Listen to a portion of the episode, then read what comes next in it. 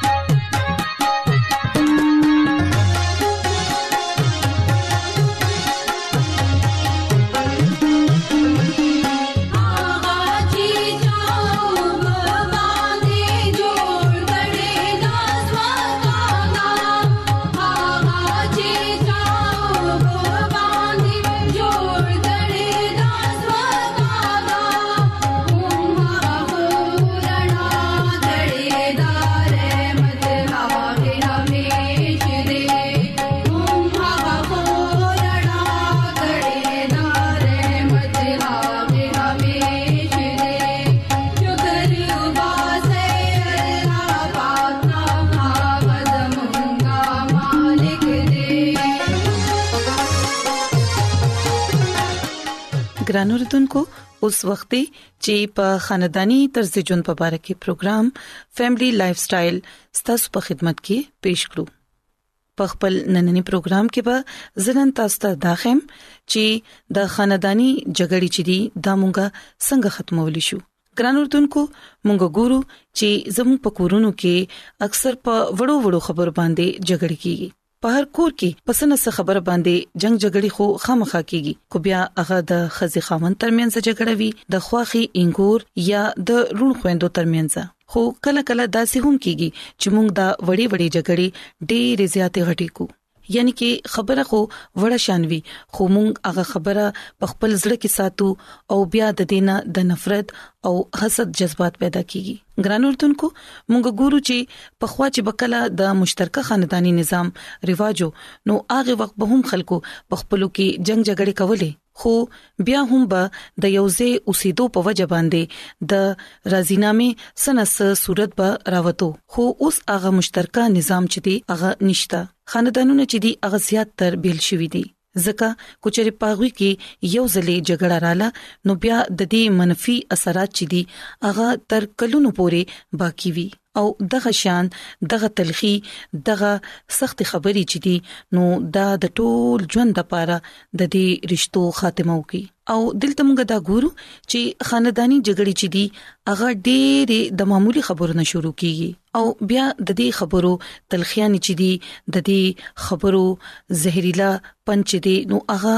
زمو پزړونو کې تیر شي او بیا زمو پزړونو کې دا خبره یادوي چې پلان کې کس سره زمونږه سوخ جګړه شوی و او اوس به د هغه سره مونږه بولچال یا زمونږ داغي سره به تګ راتګ نوي او دغه شان دا جګړې چې دي دا زموږه ژوند رنجیده کړی زموږ په ژوند کې ډېرې خرابې پیدا کړې د رونو خويندو او د نږدې رشتہ دارانو سره میلجول چې دي هغه سره تګ راتګ چې دي دا زموږ د پاره د ډېر د لطف او د خوشاله سبب جوړيږي او د دې جګړو په وجه باندې مونږ د هغې نه هم محروم پاتې شو خو بیا هم مونږ خپل ضد نه پریږدو خپل انا خپل ضد خپل اغا د جګړې وجوهات چې دی هغه مونږ نه پریږدو ګران اردوونکو اکثر مونږه ګورو چې بعضی جګړې داسې وي چې کو یو فریق چې دی نو هغه د رازینامې د پاره پهل وکړي نو بیا دا جګړې ډېر زر ختمې دي شي خو دلته خو خبره دا ده چې د پهل کولو لپاره د ډومبي قدم اوچتولو لپاره بيخي څوک نه تیاریږي په خپه رشتہ دارانو کې ډیر ځل دا خبره دا جمله مونږ اورو چې د رازینابې لپاره خو زه تیار یم خو ډومبي قدم به زه اوچت نکړم دا زمانہ نشي کېده ګران اردوونکو د داسې جګړې ختمولو لپاره تاسو ډومبي قدم اوچت کړئ تاسو پهل وکړئ تاسو رازینامه وکړئ عام طور باندې خپل خپلوانو سره د همیشه د پاره خلک تعلقات ختمول نه غواړي د دې د پاره اغوي د صلح کولو د پاره د راضینامه کولو د پاره همیشه تیار وي خو د دې سره سره دا غوي دا هم خواهش وي چې د هغوی انا د غي خودپرستی چې دا هغه د هم قائمه پاتې شي هغوی دا خواهش داسې بیانوي چې د برادرۍ په مخ کې دي زمونږه پوزا کټ نشي یعنی زمونږ عزت قائم پاتې شي ګران اردوونکو کو چري د لګ ذهانت نه کار واغستې شي نو بیا یقینا داغوي پوزا محفوظ پاتې کیدی شي یعنی داغوي انا داغوي عزت په خپل ځای باندې قائم پاتې کیدی شي او جګړه هم ختمې دي شي ګران اردوونکو کله چې تاسو ګوره چې مخالفتونه لګیا دي زیاتیږي او د جګړې حالات پیدا کېدو ولدي نو تاسو پدې کې هیڅ قسمه نا وخت کوي ما پدې کې تاسو رستو کېږئ ما تاسو ته فورا دا پکار دي چې تاسو په دې کې مداخلت وکړئ د دې وجه دا ده چې څومره قدر چې تاسو خپل ناراضګي زیات وخت پورې قائم ساتي هم د کسبه هغه زیات ټیم پورې برقرار وي په خاندان کې به تاسو د تعلقات چې دي هغه خرابيږي او په هغه کې به راضينامه کول ډیر زیات ګران شي ګران اردوونکو کو تاسو په خاندان کې د چا جګړه شوي وي نو بیا تاسو ته پکار دي چې د هغوی ترمنځ راضینامه وکړي د هغوی ترمنځ روغ جوړو کې د یو کس طرفداري بنه کوي بلکې دوه تاسو پوي کړي ولې چې غلطي خو همیشه د دوه اړخ نه کیږي او جګړه چې دا هغه هم په دې وجه شروع کیږي تاسو ته پکار دي چې تاسو هغه پوي کړئ چې تاسو جګړه د پوره خاندان د پاره د پریشانې باعث دي او دا پریشانی چې دا د اوس ختمول پکار دي د دې نه علاوه دا هم هغه ته تاسو ویل شي چې تاسو جګړه د یوې وړې خبرې نه شروع شي او دا غلط فهمي چې دا نو دا تر ډیره وخت پورې قائم وي نو د دې لپاره تاسو ته پکار دي چې یو بل سره د جګړې وجوهات چې دي هغه بیان کړئ نو بیا به تاسو ته دا پخپل پتولګي چې هغوی ولې دا جګړه دومره اوږده کړې و او بیا دا هم چې کو هغه کس د لږ شان د صبر نه کار غستې وي نو بیا به دا جګړه چری هم نه پیدا کیده او دا احساس چې دی یقینا دا به دا غوي پروي کې یو نرمي پیدا کوي نو لہذا تاسو په خپل هم پاغوي کې دا احساس پیدا کولو کوشش وکړي ګران اردن کوم ګورو چې ډیر خلک د ماضي تلخیان هېري کړی هغه د یو بل غلطیانې ګناهونه قصور هغه معاف کړي او خپل زړونه صفا کړي خو ټول خلک یو شان نه وي، څه خلک داسې هم وي چې د هغوی زړونه صفا نه وي، څه نه څه تلخي یا څه نه څه خبره د هغوی په زړونو کې باقي پاتې شوې وي او په دې وجه باندې د هغوی زوړ تعلق چې دی دا بحال نه شي کېدای او په زړه کې هغوی دا خبره ایښې وي او په دې باندې خپګان وي او دا کېدای شي چې د راضینامې نه پس په هغوی کې هغه زوړ کشیدګي هغه ناراضګي هغه خفقان نه وي خو بیا هم په هغه کې به هغه خبره پاتې شي وي ګران لرتونکو د داسې خلکو په معاملې کې خپل وخت چې دی هغه لا پرې دی چې هغه وخت په خپل کار وکړي کې دي شي چې وخت دې د سره سره دا غي پرويو کې ډېرې مثبت تبدیلیاں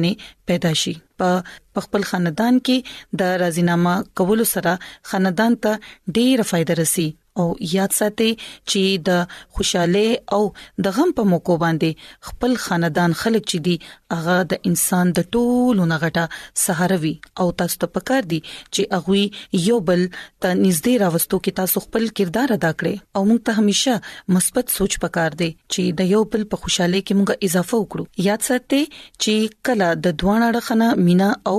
باهمي برداشت جذبه کو په موږ کې موجوده وي نو بیا زموږ د رښتې ډېری مضبوطي وي نو ګران اردوونکو زه امید لرم چې تاسو به نننې خبرې خوښی شوي وي او زموږ د دعا ده چې خدای تعالی دې تاسو سره وي او تاسو ته خپل ډېر زیات برکتونه درکړي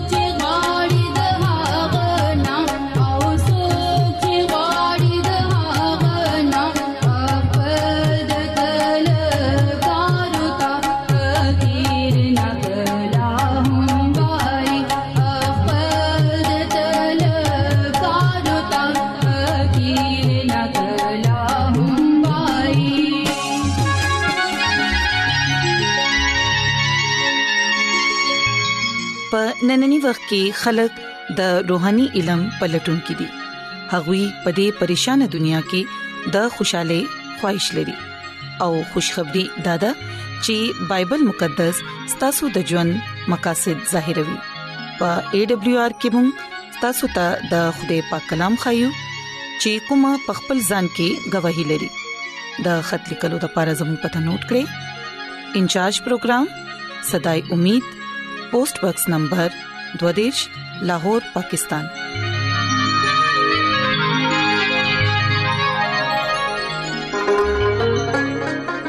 ایمان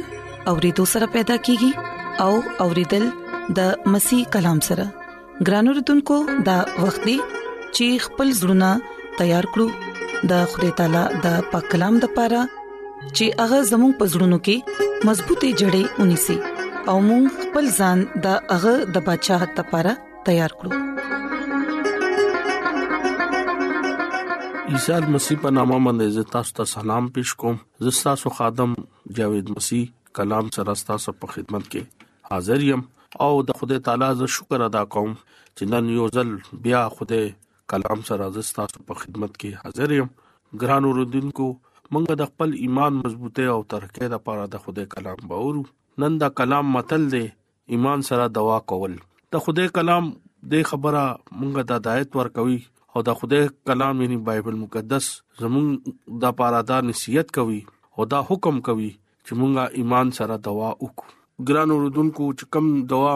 مونږه ایمان سره کوو واغه د خدای جلال مونږه ګورو او خدای خپل قدرت په مونږه باندې ظاهر کوي یوهنا انجیل یو لسم باب کې دا لیکلي دي او عیسی المسی دا ویلي دي چې زه تاسو ته ویم چې ایمان راولې او د خدای جلال به تاسو ګوره په کلام کې دا خبره مونږه ګورو او خدای تعالی خپل جلال مونږه ته خای او مونږه دغه عظیم کارونه ګورو چې کله مونږ غواړو خدای زمونږ ژوند کې او زمونږ خاندانونو کې او زمونږ کلیسیا کې معجزې کوي او مونږ دا غواړو چې خدای زمونږ دوا اوري او جواب ورکوي ګران اوردونکو دا ضروری ده چې مونږه ایمان سره دوا کوو عیسی مسیح دا فرمایوي چې ته ایمان سره دوا کوه او د خدای جلال به ته ګوره ګران اوردونکو دا لفظونه او د خدای کلام زمونږ د پاره عیسی مسیح نن هم دغه خبره کوي ته ایمان سره دعا وکا او د خدای جلال بګوره ګران اوردونکو په متی پنځل کې نه هم باب کې عیسی مسیح هغه ته ګوري او هغه جنې ته وایي چې ته خاطر جمع کا ستا ایمان ته خکړې او هغه خزا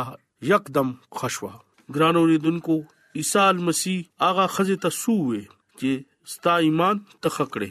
مرکز انجیل درېما باب عیسی مسیح دا وایي چې جنې ستا ایمان تا ته شفا ورکړه ګران اوردونکو بایبل مقدس مونږه ډېر واضح تور باندې دا خبره خای چې کم خلک ایمان سره عیسی مسیح خوا ته رالو نو هغه ایمان سره خدای تعالی هغه لا شفا ورکړه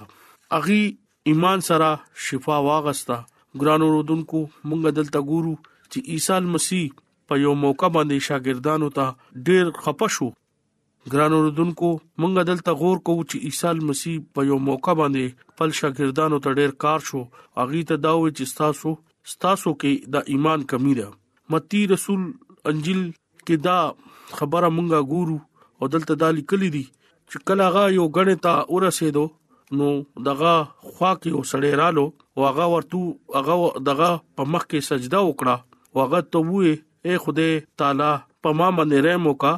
زما یو زوی دی په هغه باندې ته رحم وکا په هغه باندې مرګي راځي او هغه ډیر لوی غم اوچت کړي دی هغه اکثر اور او وبو کې غورځيږي او زه ستا شاګردانو لراغلم هغه ښه نکړو عیسی مسیح ولا جواب ورکو اکم اتقادو ما هغه شاګردانو لرا وستو هغه زما زوی خنکو عیسی مسیح ولا جواب ورکو اکم اتقادو کجرو نسل زبتا سره کم ټیمه پورې بیم او زه تاسو کم او زه تاسو څنګه به زه تاسو برداشت کوم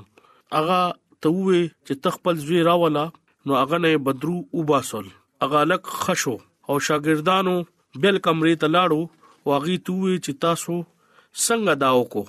هغوی ته دا ووایه چې تاسو کې ایمان کمی ده زه تاسو ته رښتیا وایم چې تاسو کې د راي دانې په شان ایمان وو نو غر ته به تاسو وي نو غر به یو زینا بل زیتا تلی شي او دا خبره ناممکنه ده چې تاسو ایمان سره چې کوم دوا کوي نو خدای به تاسو دوا ضرور بوري ګران اوردونکو عیسی مسیح خپل شاګردانو ته دا خبره خای چې تاسو کې د ایمان کمی وا تاسو ایمان سره دوا کړو وا نو دینا دا بدرو تلې بوا چې کله مونږه بغیر ایمان سره دوا کو نو زمونږه دوا بے فائدہ ای هغه دوا کې بیا اثر نوي او هغه دوا خدای زمونږ نه اوري چې کله مونږه ایمان سره دوا کو نو متی پنځل کې دا لیکلي دي چې مونږه ایمان سره چې کله دوا کو او شک نه کو نو خدای زمونږه دوا بیا اوري او خدای دا هم ویلي دي چې ته وګواړه زب تعالی در کوم او ایمان سره چې ته دوا کې شک مکوا د یعقوب لومبه خط کې دا لیکلي دي چې ته ایمان نه غواړه او شک مکوا ولی شک کول ولا د سمندر لهر مانند دی او هوا سره اخوا او دېخوا ځي او داسې سړی ناپوه یي چې هغه د خدای نه هیڅ اغستی نشي هغه سړی دوه ځړواله دی او خپل خبرو کې بے قیام وي ګران اوردونکو د خدای کلام د خبره تعلیم ورکوي چې مونږه ایمان سره او ایمان سره غواړو او شک نکو او زمونږه خدای دوا اوري او چې کله مونږه د ایمان سره غواړو نو بیا خدای زمونږه دوا اوري او خدای زمونږه دوا جواب ولې نه ورکوي ولې چې مونږه شک سره دوا کوو او چې کله زمونږه دوا کې شکی نو بیا خدای زمونږه نوري خدای تعالی خپل فرمایلی دي چې ته ما نه غواړه زه به تعالی درکوم ته مال आवाज راکا زه به تعالی جواب درکوم ګران اوردونکو مونږ ته پکار دي چې مونږ شک نه کوو او ایمان سره غواړو چې کله مونږ شک کوو نو بیا مونږ له خدای زمونږ دوا نه اوري ګران اوردونکو ایمان سره موسی نبی چې کله دوا وکړه نو خدای دغه دوا وریدو ایمان سره یوسف نبی دوا وکړه نو خدای ولا بچات وکړه الیا نبی ایمان سره دوا وکړه نو په غرونو کې کارغه ولا خوراک برسه زمونږه ایمان داسې پکار دی داسې یقین داسې توکل پکار دی چې خدای زمونږه دوا اوري او چې کله مونږ شک وکړو نو بیا خدای زمونږه دوا نه اوري ګران اوردونکو یاد لره چې مونږه کله خدای باندې یقین دی توکل دی نو خدای